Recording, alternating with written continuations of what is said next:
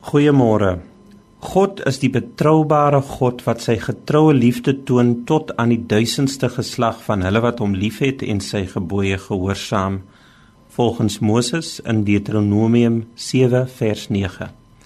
Ja, dit is die einste Moses wat aan die Here gevra het: "Wie moet ek vir die mense sê is u?" Dieselfde Moses wat deur die Here geroep is om voor te loop, gesê het: Maar ek is nie 'n man van woorde nie. Ek is swaar van mond en swaar van tong. Dit is daardie Moses wat hierdie lofwoorde oor God spreek. Maar hy kon, want Moses het mos uiteindelik met die Here gepraat soos 'n man met sy vriend van aangesig tot aangesig.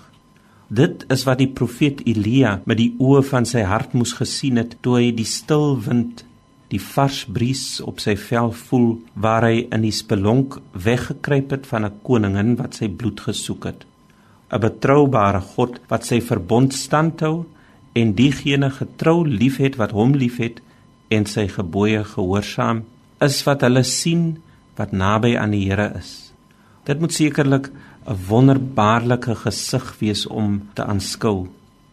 Die kerk noem dit die salige aanskouing Dit is 'n naam vir die ewige lewe waar hulle wat hom getrou liefgehad het en ondanks swaar kry, sy gebooie gehoorsaam het, die lam van aangesig tot aangesig sal sien, soos Johannes in sy visioen sê en waaroor hy skryf in Openbaring 22 vers 4. En tog kan dit 'n ontredderende ervaring wees as ons dit hier op aarde deurmaak hierdie van aangesig tot aangesig aanskouing van die Here.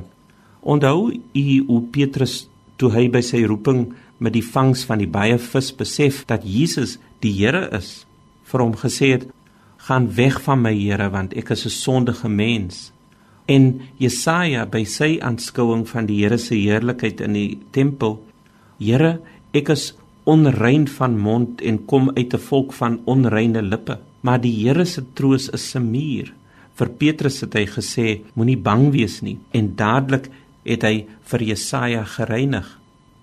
Ons is gemaak om God te aanskou en ons hart sal onrustig bly totdat dit uiteindelik gebeur, leer ons by Sint Augustinus.